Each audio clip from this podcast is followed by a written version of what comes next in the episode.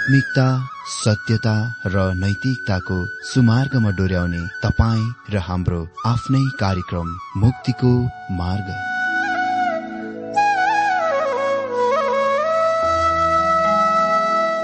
आदरणीय श्रोता यस मुक्तिको मार्ग कार्यक्रममा हार्दिक स्वागत छ। आशा छ यस आत्मिक कार्यक्रमद्वारा जीवनमा आत्मिक आशिष अलौकिक शान्ति र आनन्द प्राप्त गर्नुहुनेछ। र जीवनमा धन्य अनुभव गर्नुहुनेछ। आउनुहोस् श्रोता। मन र आत्माको तयारीको लागि यो मिठो अनि मधुर भजन गीत सुनौ।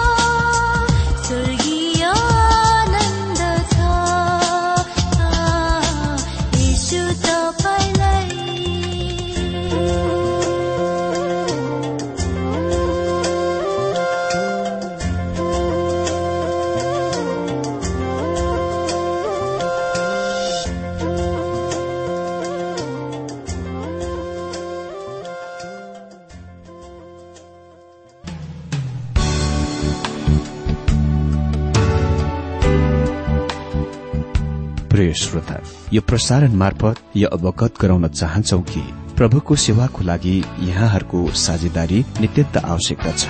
यहाँहरूले प्रार्थनाको साथसाथै आर्थिक सहायता गर्न अनुरोध गर्दछौ। तपाईँहरूको सानो भन्दा सानो भेटी किन नहोस् हामी प्रभुको नाममा स्वीकार गर्नेछौ प्रभुको सेवाको लागि। तपाईँहरूको यो सानो लगानीले कसैको जीवनमा भिन्नता ल्याउँछ? अनि प्रभुको महिमा हुन्छ। प्रभु तपाईँहरूलाई महान गरी आशिष दिनुहुनेछ। इच्छुक श्रोताहरूले तपाईँको इच्छा भेटी हाम्रो ठेगानामा पठाउन सक्नुहुन्छ जुन ठेगाना हामी कार्यक्रमको अन्तमा दिनेछौं। आदरणीय श्रोता मित्र प्रभु येशु ख्रिस्टको मधुर अनि सामर्थ्य नाममा मेरो जयमसी साथै आजको यो बाइबल अध्ययन कार्यक्रममा हार्दिक स्वागत गर्न चाहन्छु। श्रोता पवित्र धर्मशास्त्र बाइबलको क्रमबद्ध र श्रृंखलाबद्ध अध्ययनको क्रममा आजदेखि हामी पवित्र धर्मशास्त्र बाइबलको अध्ययन पहिलो युहन्ना एक अध्यायबाट आरम्भ गर्न गइरहेका छौं। अनि हामी यस अध्यायबाट तीन चार दिन बाइबल अध्ययन गर्नेछौ। यो कुरा मनमा लिइराखौं वा ध्यान दियौं कि यो पहिलो युहन्ना एक अध्यायको मुख्य विषय हो। परमेश्वर ज्योति हुनुहुन्छ। आज हामी खालि पहिलो युहन्ना एक अध्याय एक र दुई पदबाट बाइबल अध्ययन गर्नेछौ। यहाँ हामी प्रस्तावनाको देख्छौ।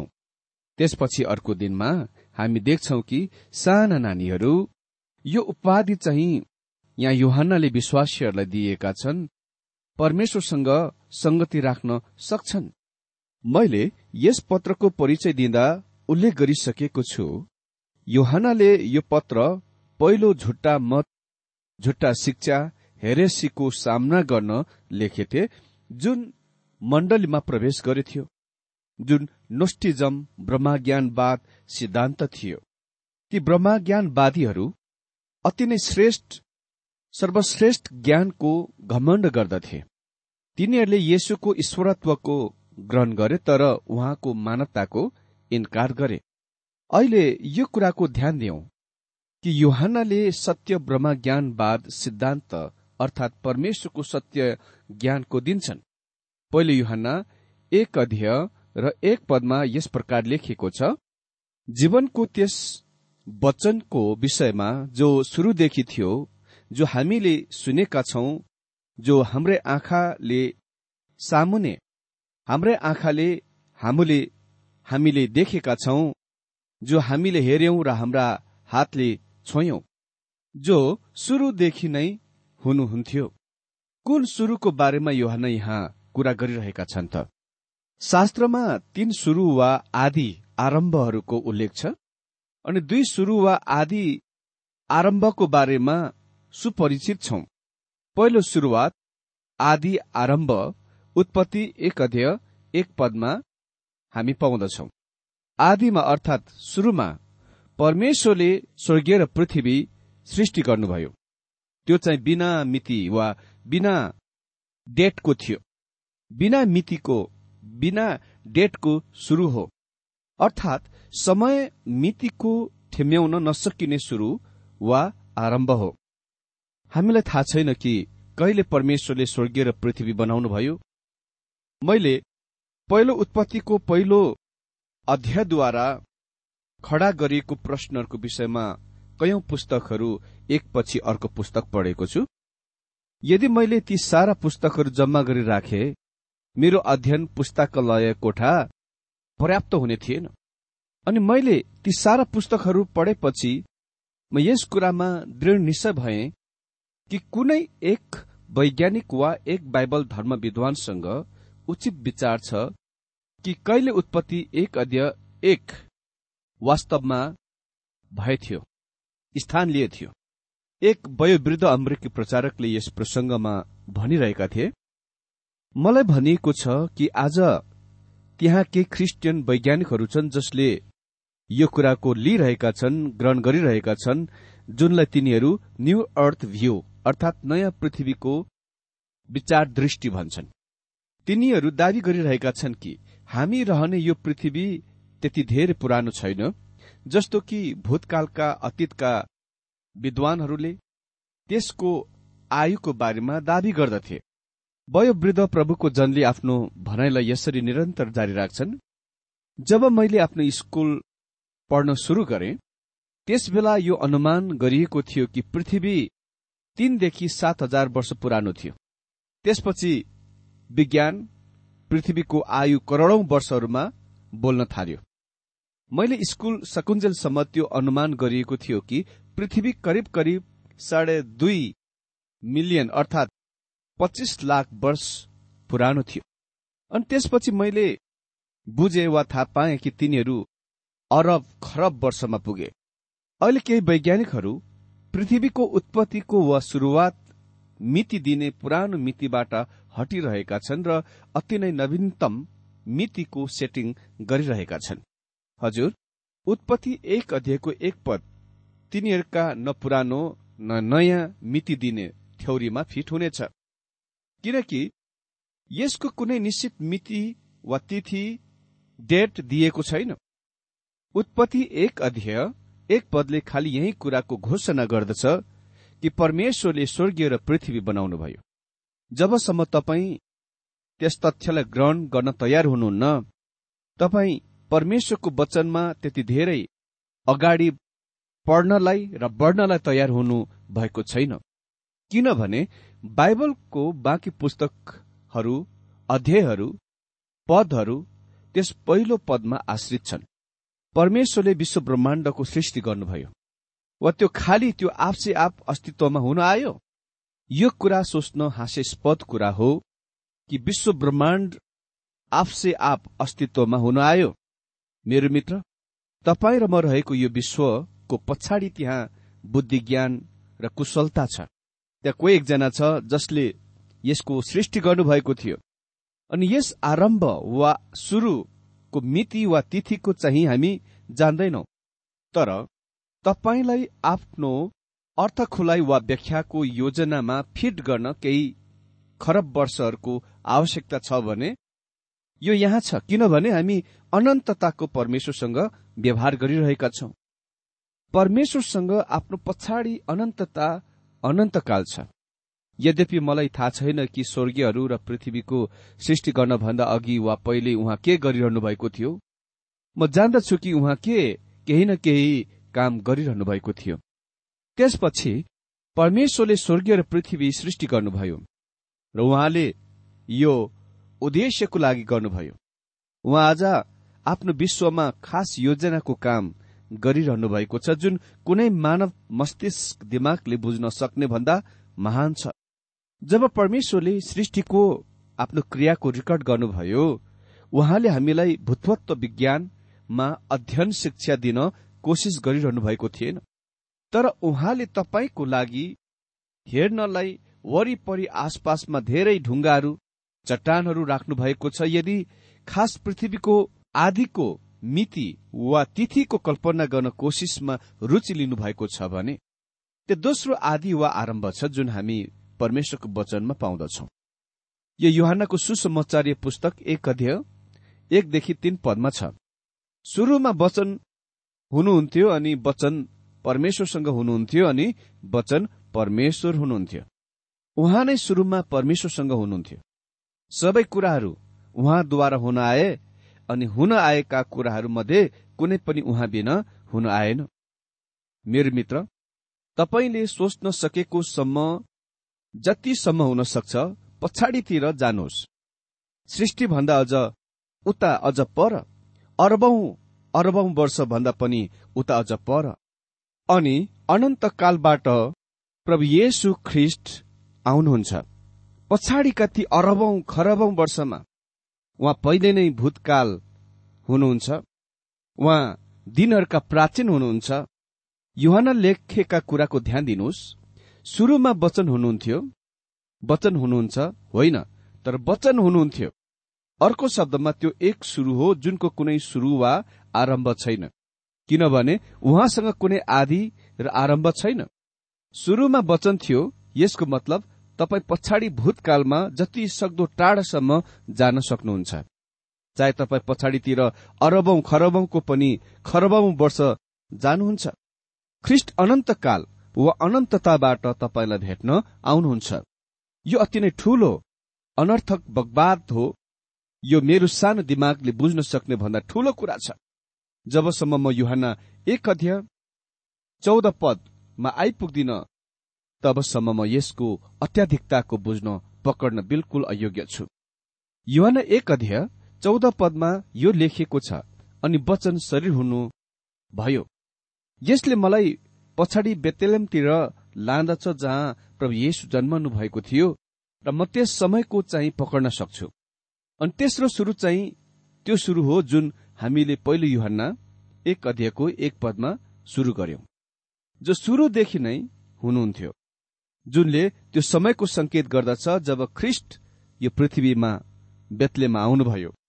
जब उहाँ करिब तीस वर्षको हुनुहुन्थ्यो युहान्नाको उहाँसँग परिचय भयो।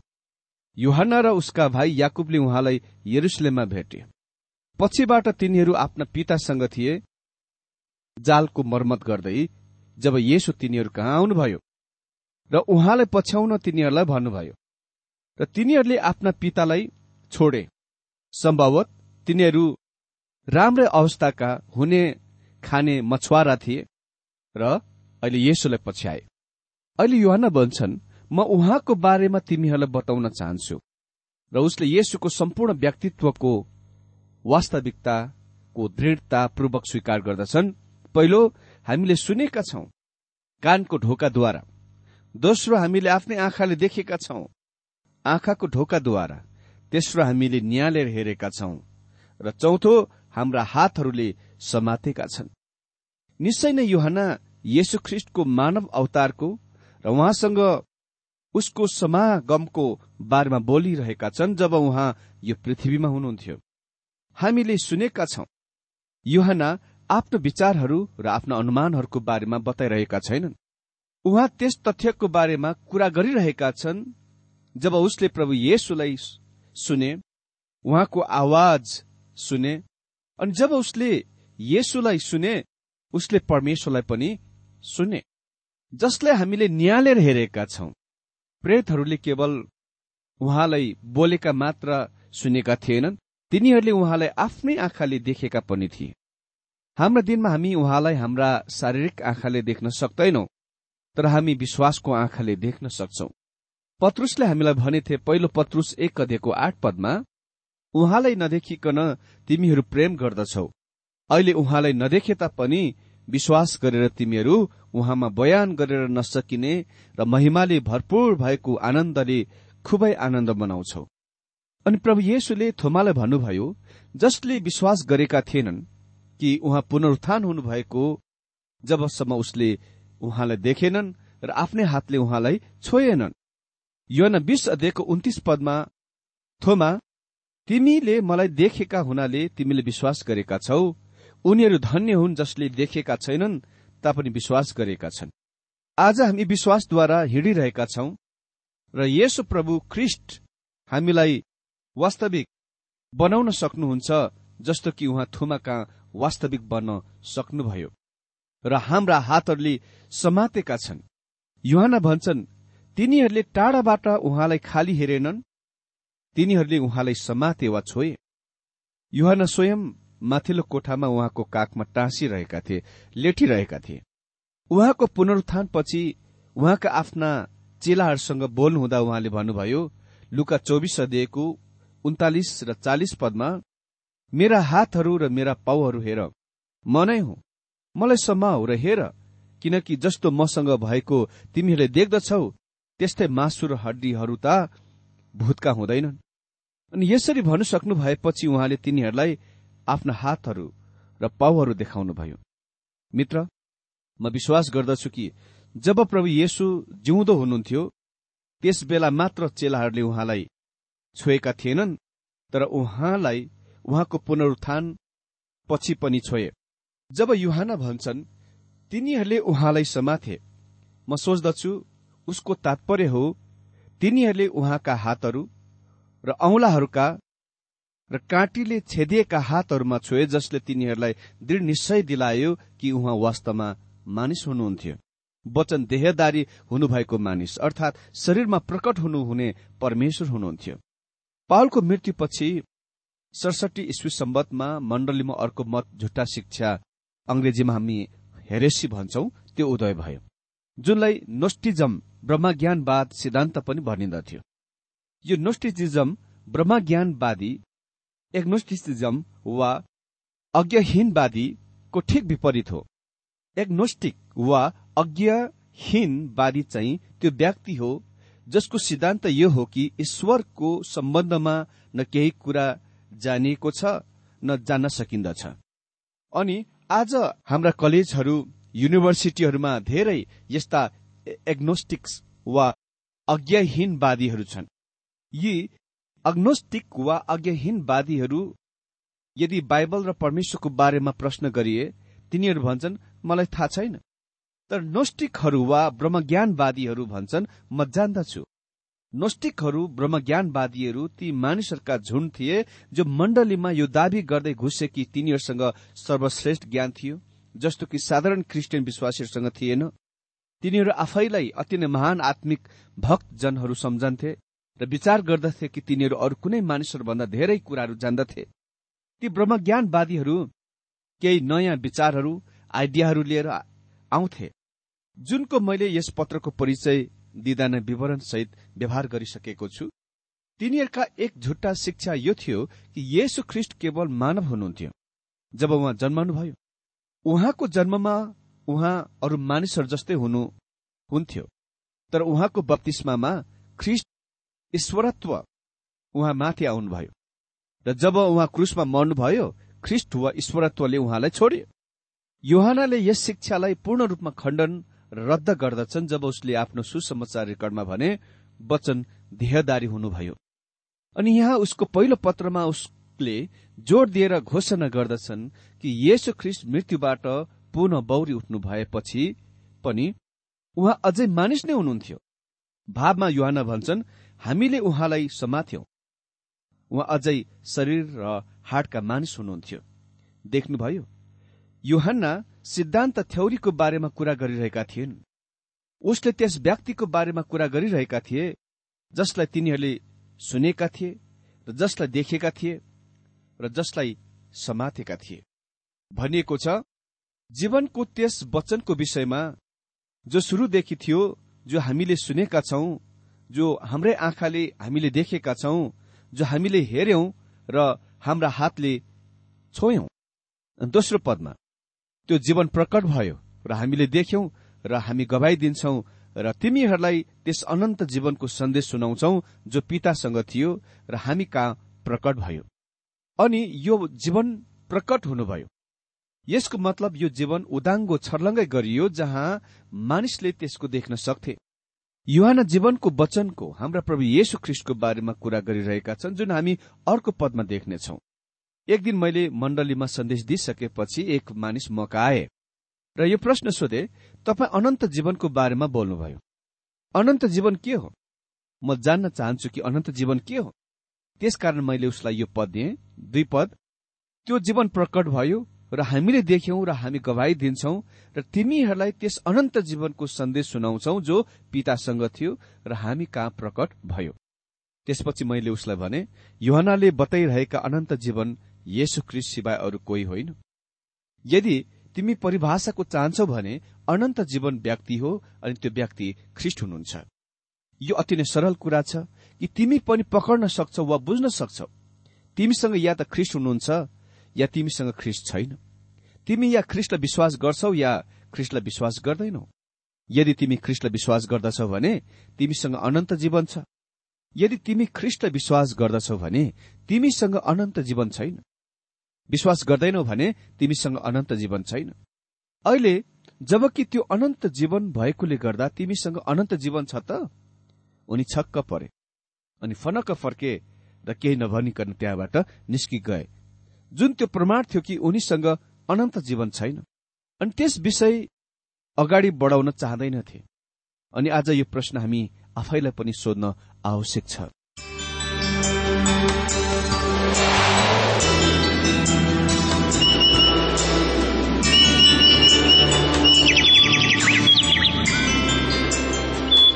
प्रिय श्रोता अहिले भर्खरै तपाईँले टीडब्ल्यूआर नेपालद्वारा सञ्चालित आत्मिक कार्यक्रम मुक्तिको मार्ग सुनिरहनु भएको थियो। श्रोता आजको यो कार्यक्रम सुनेर तपाईँलाई कस्तो लाग्यो? यदि यो कार्यक्रम सुनेर मनमा कुनै खुल्दुली वा कुनै प्रतिक्रिया अर्थात सुझावहरू छन् भने हामीलाई पत्रद्वारा लेख्न सक्नुहुनेछ।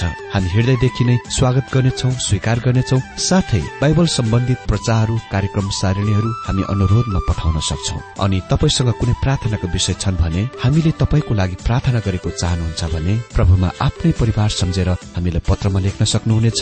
तपाईँको लागि हामी प्रभु येशुसँग प्रार्थना गर्नेछौ। अधिक जानकारी र पत्रचारको लागि हाम्रो ठेगाना यस प्रकार छ।